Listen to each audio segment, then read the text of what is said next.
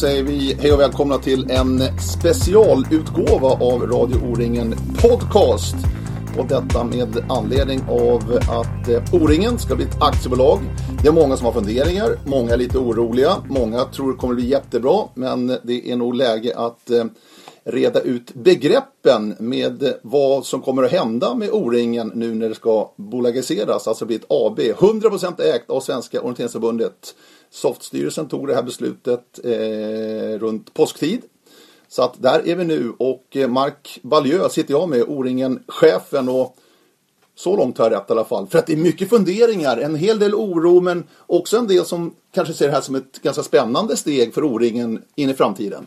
Ja, det, det, det, är många som tycker att det är både häftigt och spännande men finns mycket frågetecken och funderingar av alla möjliga slag. Mm.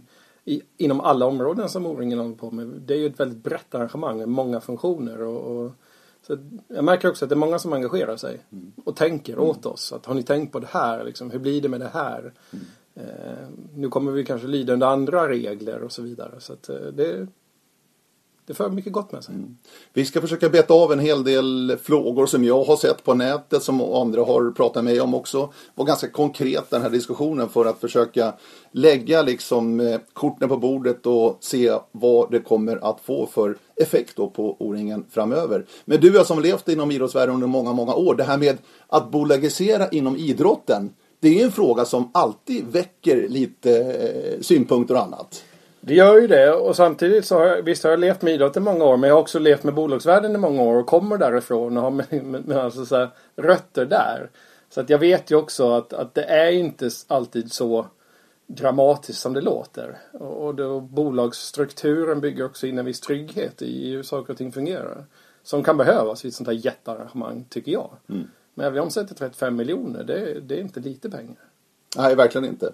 Eh, och som grund för det här var den här O-ring-utredningen då som vi har pratat om här i podcasten tillsammans med Inge Blomberg då, en av de här två utredarna tillsammans med Göran Nilsson.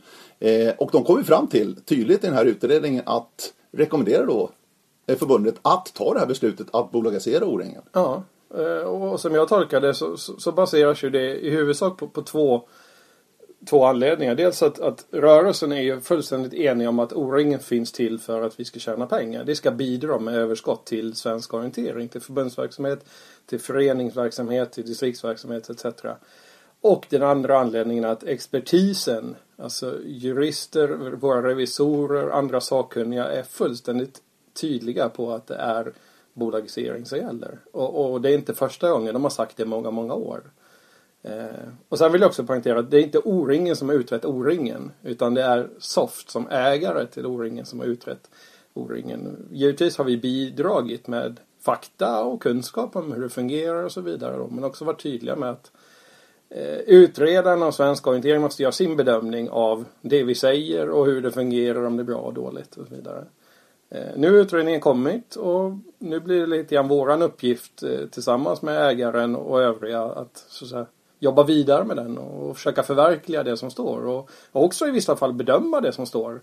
Eh, och fråga, är det rätt riktigt? Eh, tycker vi så här? Eh, är det realistiskt att jobba vidare med? För det finns ju ganska många förslag och attsatser i utredningen mm. som, som inte är beslutade. Och, och det är den första saken som som jag egentligen vill bringa klarhet i från Softs styrelse så har man bara tagit beslutet på att bolagisera, alltså den första attsatsen av hela raden attsatser som finns i sammanfattningen. Mm. Alla andra har man sagt att, att de tar vi senare, eh, för de är också olika nivå på de attsatserna. Mm. Vad, vad händer konkret nu? Nu har alltså förbundet eh, Soft, alltså styrelsen, tagit beslutet att bolagisera O-ringen. Vad är nästa steg nu rent konkret eh, i den här processen? Nästa steg i den här processen det är att, att Softs styrelse jobbar med en diger lista av namn för att sätta samman en styrelse och en, en styrelseordförande. Och, eh, utan att vara inne i den processen så, så, vet jag att de letar ganska brett och de letar eh, högt upp i, i näringslivet och i samhället eh, för att hitta liksom en, en, en, bra profil för att leda O-ringen vidare. Och den sammansättningen får ju sen i huvuduppgift att titta på de övriga attsatserna. Eh, hur man ska jobba vidare med det. Eh, vad händer med kansliet har jag hört många också. För de är anställda. Du också då Mark som är chef då på kansliet. Yep. Eh, anställda av Svenska Orienteringsförbundet. vad händer med er? Ja, det vet vi ju egentligen inte om man ska vara helt ärlig. Eh, så är det så att, att eh, än så länge så i och med att de attsatserna som, som gäller personal inte är beslutade så, så är det inte så mycket att fundera på utan det är ju en dialog som främst kanske jag som chef och, och eh, ägaren eh, måste ha med, eh, med den kommande styrelsen. Då. Men vi kan vara utan jobb eller vi kan vara, fortsätta med jobb. Mm, mm. Eh, om vi då kommer till själva O-ringen och arrangemanget. Vad kommer bli den stora skillnaden framöver när O-ringen då är ett aktiebolag? Hur kommer det liksom påverka när man hittar nya arrangörer och själva genomförandet? Alltså i, i stort bara innan vi kommer in på detaljer. Alltså jag har ju sagt det till många att för de allra, allra flesta oavsett om vi är om man är deltagare, om man är arrangör, man är partner, man är sponsor så, så kommer man inte märka någon skillnad alls. Alltså vilket organisationsnummer vi har i grund och botten är det inte många som vet idag heller. Eh, och, och, då kan man säga att man gör en här av en fjäder. Eh, men här har också Softstyrelsen varit ärlig och tydlig med att vi vill kommunicera det här öppet. Att vi gör ett bolag av det. Eh, och det tycker jag är bra. För det är ju ingenting att hymla med. Eh, men samtidigt så, så påverkan i det stora hela kommer inte vara speciellt stor.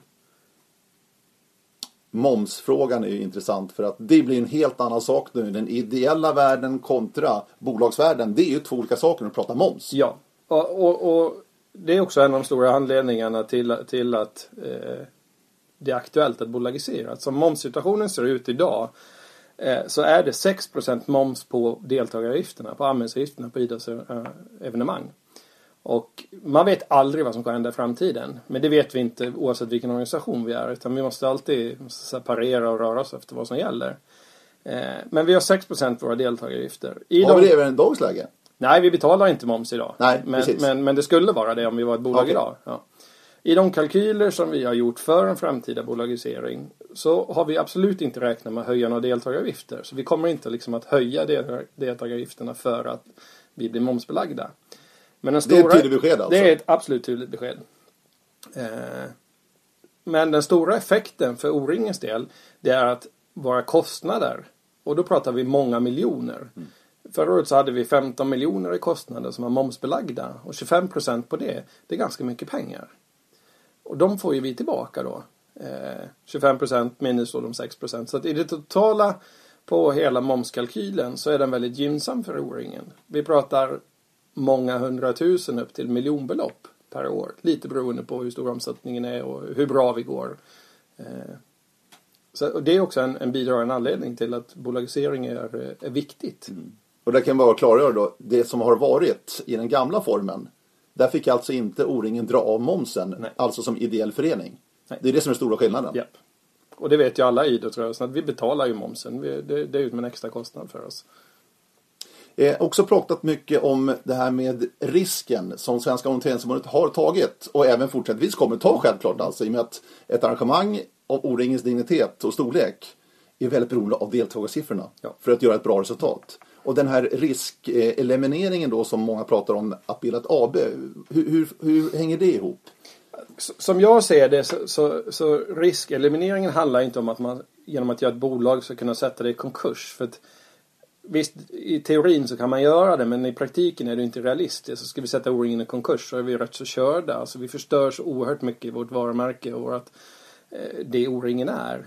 Men, men däremot genom bolagsformen så har vi möjlighet att, att bygga upp ett kapital och på så sätt minimera risken. Alltså att O-ringen som bolag kan vara lite mer självdrivande, och självgående även dåliga år. Så att vi bygger, samlar kapital i bolaget. Så att ett år det går sämre så kan vi fortfarande betala arrangörerna utan problem. Det är liksom en, en annan typ av riskeliminering tycker jag. Men, men, men om, vi ponerar nu, om bolag går dåligt, det är dåligt med deltagare de kommande åren här. Mm. Vi ponerar det. Mm. Är det då Soft som ägare som ska skjuta till kapital då till O-ringen AB eller? Ja det är det ju. Det, och det är precis som det har fungerat idag också de senaste åren. När O-ringen har gått dåligt så har det ju varit Soft, Svensk Orientering, som har fått täcka upp det.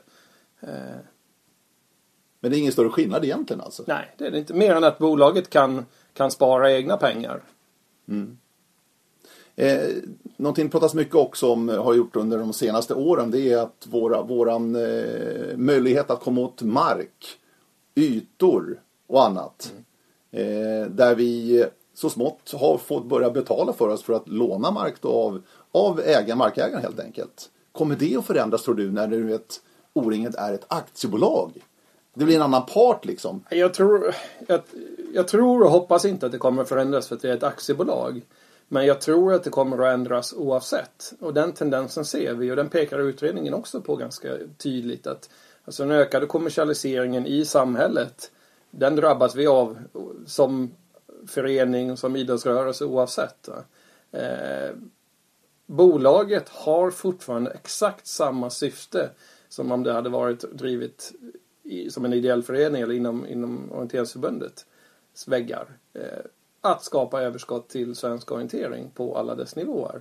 Och, och, det är väl kanske någonting som vi får i den mån partner, våra partners vet om att vi är ett bolag får jobba lite hårdare med att trycka på att syftet med bolaget är att skapa överskott till svensk orientering. Det finns ingen riskkapitalist, finns det inga privata ägare i det här utan det är svensk orientering. Det är ett sätt att göra rätt för oss men att skapa mer utrymme för svensk orientering.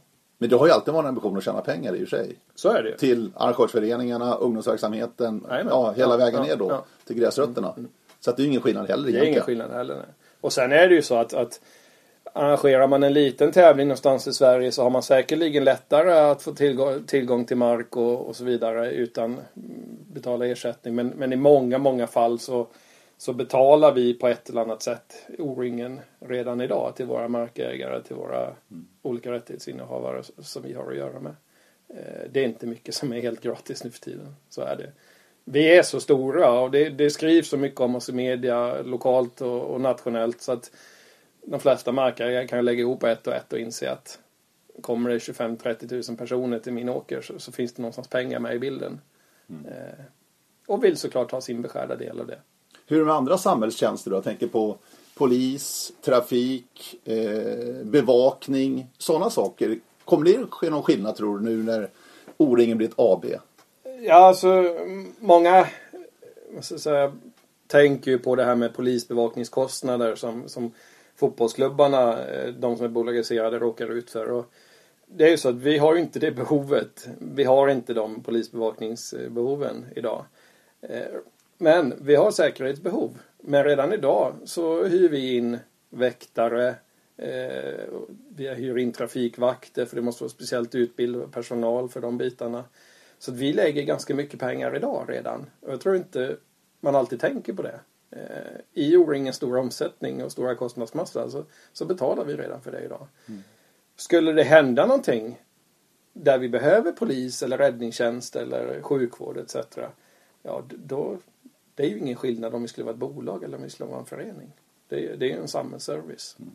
Eh, och vi har väldigt bra samarbete med den här typen av myndigheter och försöker planera och förebygga eh, hur vi ska kunna parera sånt här. Mm. Eh, hur blir det då för eh, arrangörsföreningar framöver? Boden i sommar kommer inte påverkas eh, någonting egentligen av det Nej. AB nu. Nej, vi kör vidare i, ja. i samma form. Om vi tittar fram mot O-ringen 2015 Skåneföreningen Eh, eller 14 förlåt. Mm. Eh, och 2015-föreningen då i eh, Borås. Hur kommer de att påverkas av det här? Ja, i det stora hela inte speciellt mycket. Det är återigen att Soft har ju tagit beslutet att bolagisera. Vi har ju inte satt ner foten när än. Men det är såklart att det finns ju en, en, en tanke om att komma igång så fort som möjligt. Va?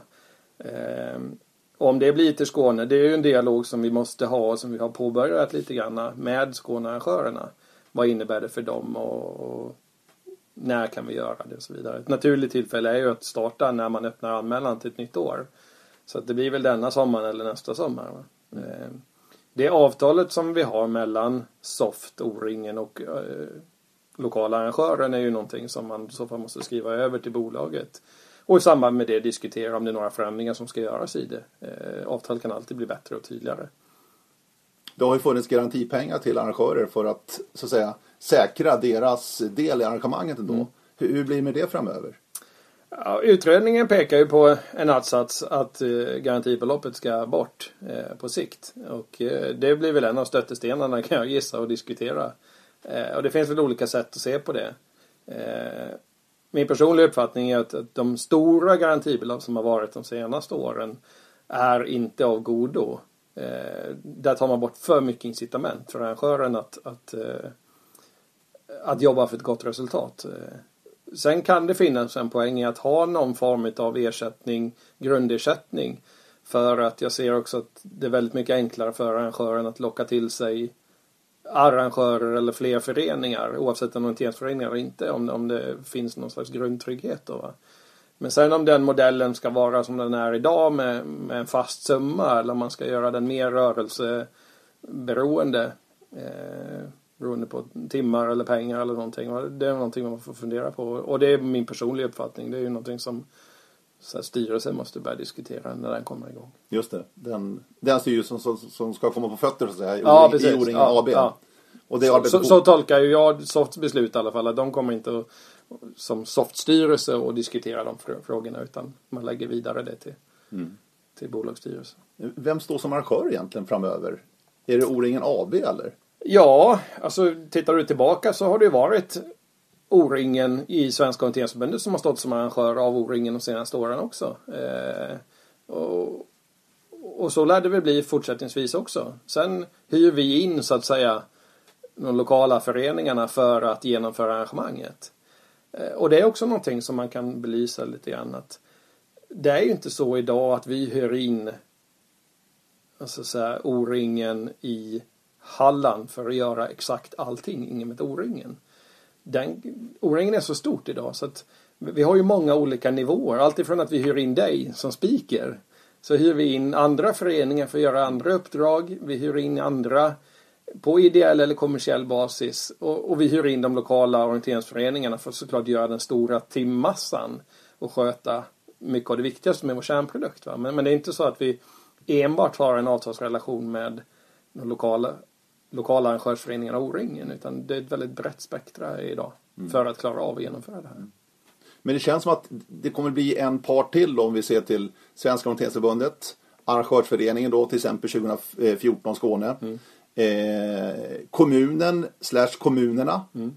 och sen då blir O-ringen AB också ja. som en ny part i, i liksom den här konstellationen. Mm. Eh, ja, är men, det rätt uppfattat eller? Ja det är det väl men, men du kan egentligen också se det som att Svenska Orienteringsförbundet kopplade bort eh, kommer inte vara direkt inblandade på samma sätt utan de ligger ju som, som ägare till O-ringen AB då så att, lite grann kan man se det som att O-ringen AB ersätter Svenska Orienteringsförbundet. Framförallt på sikt. Till en början så, så kommer vi liksom inte hinna lägga över allting som idag har en relation med Svenska Orienteringsförbundet.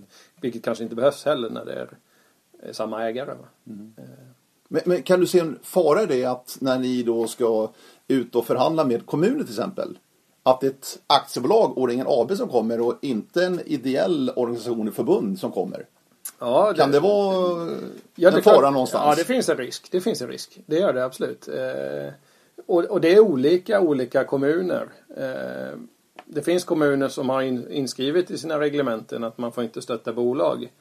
Eh, men det finns också väldigt många som inte spelar några, som inte bolagsformen spelar någon roll utan man, man ser till syftet. Eh, och, och, det är ju någonting man får försöka hantera framöver. Mm. Nu är det också så att, att när vi tittar framåt, eh, när vi utser nya arrangörer, då är jag ju stenhård på att då är kommunavtalen på plats redan. Alltså för mycket tidigare inom åren så har det slarvats både från min egen sida och mina företrädare att, att man har liksom utsett en arrangör men du har inte egentligen haft de stora relationerna och avtalsformerna på plats. Så att när vi egentligen utser en ny arrangör då är kommunstödet avtalat och klart. Och då, då motar vi på så sätt Olle Grind lite grann. Mm. Eh, ni har ju säkert gjort kalkylen och tittat på det här nu när beslutet ändå taget att bilda eh, bolag utav O-ringen, O-ringen AB. Vad, vad, säger de här kalkylerna? Vi har varit inne lite på, på momsen här också. Finns det alltså tydliga effekter att det blir ett bättre ekonomiskt utfall av O-ringen framöver med den här eh, formen? Ja, det, det, finns ju på en sida i utredningen kring kalkylen för Halland. Eh, Halland hade ju inneburit en 600 000 mer. Och visst, I vinst alltså? I vinst, ja. Eh, eller i utdelning. Mm. Om man nu ser på det. Ja. Eh, och det är klart 600 000 det är ju mycket pengar. Det är det. Det finns inga föreningar som kan säga nej till 600 000. Även om det är på 7,5 miljon vinst som O-ringen Halland gjorde eh, kanske inte ses som en jättestor del.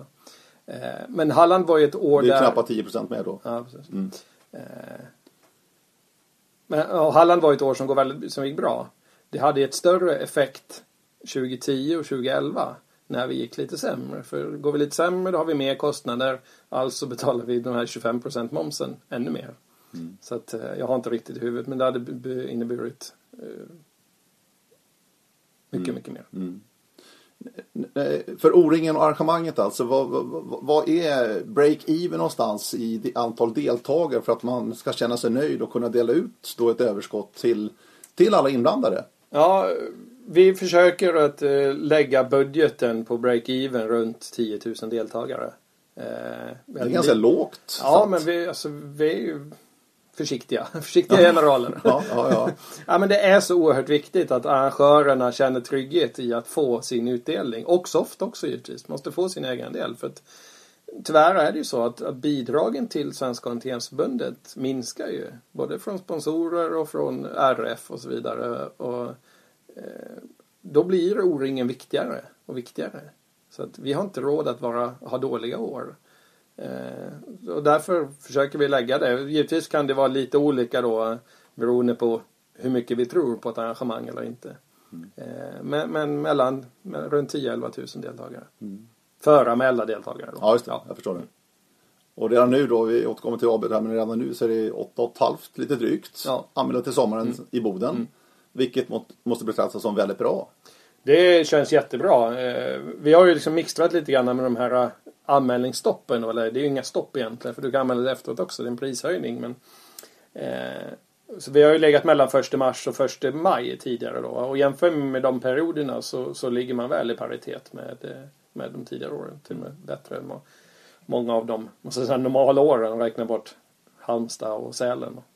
Så att, men man vet aldrig. Nej. Det är fortfarande några tusen som vi gärna vill ha in.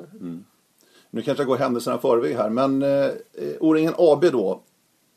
Ska de spara sina vinster på något sätt eller ska det delas ut och att det kommer ut direkt? Det, det är liksom inget bolag som ska ha någon stor kassakista eller?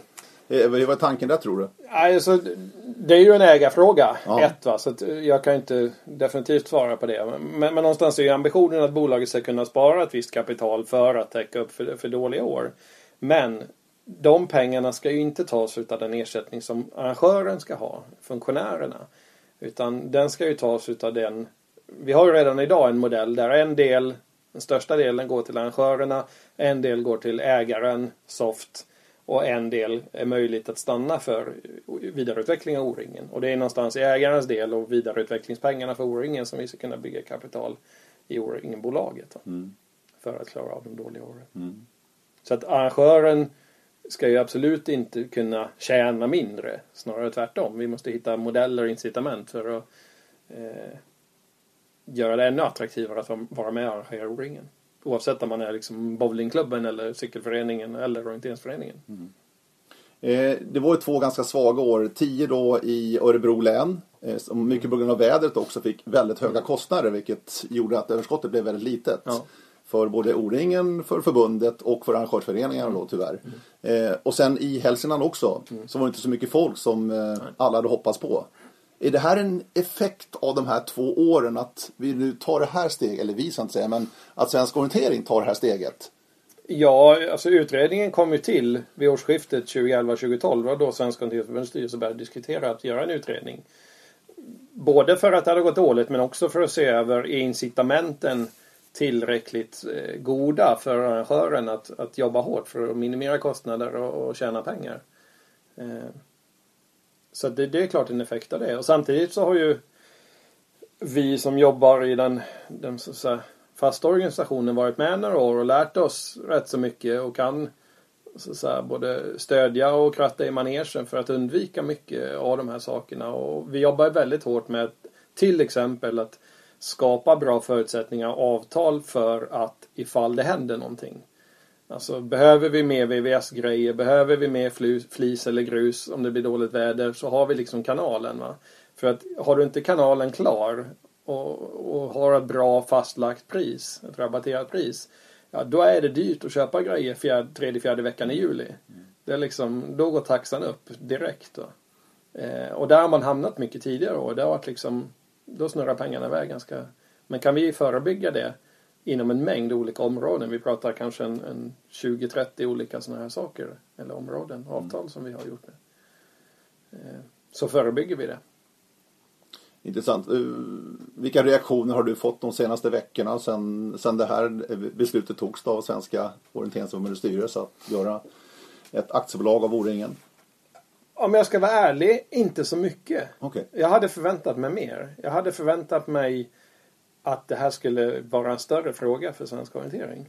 Eh, Men det är en stor fråga. Ja. Som vi är inne på från början. För att det här med bolagisering inom idrott, det är, ja. det är känsligt. Ja. Och, och, jag vet inte om det är för att den är för abstrakt än så länge. Alltså, utredningen är väldigt omfattande. Eh, det kanske tar tid för, för reaktionen att komma fram. Eh, jag har ju såklart dialog med, med de arrangörer vi har. Och, och, där finns det ju liksom både plus och minus och, och en oro och, och mycket baseras ju på garantibeloppet givetvis. För deras del. Det är det som och de eventuella risker som, som kan tillkomma. Mm. Ja, det är en spännande tid framöver. Absolut. För O-ringen. Mm.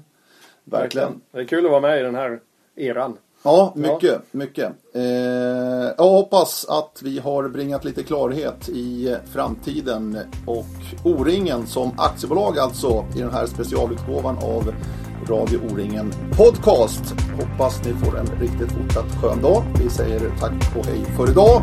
Och vi hörs om några veckor igen förresten. Då kommer jag dyka upp i samband med att eh, Silva League har sin premiärtävling i Tibro. Då blir det mycket elitsnack kan jag lova för att du ska träffa någon av världens bästa orienterare. Så säger vi. Vi säger tack och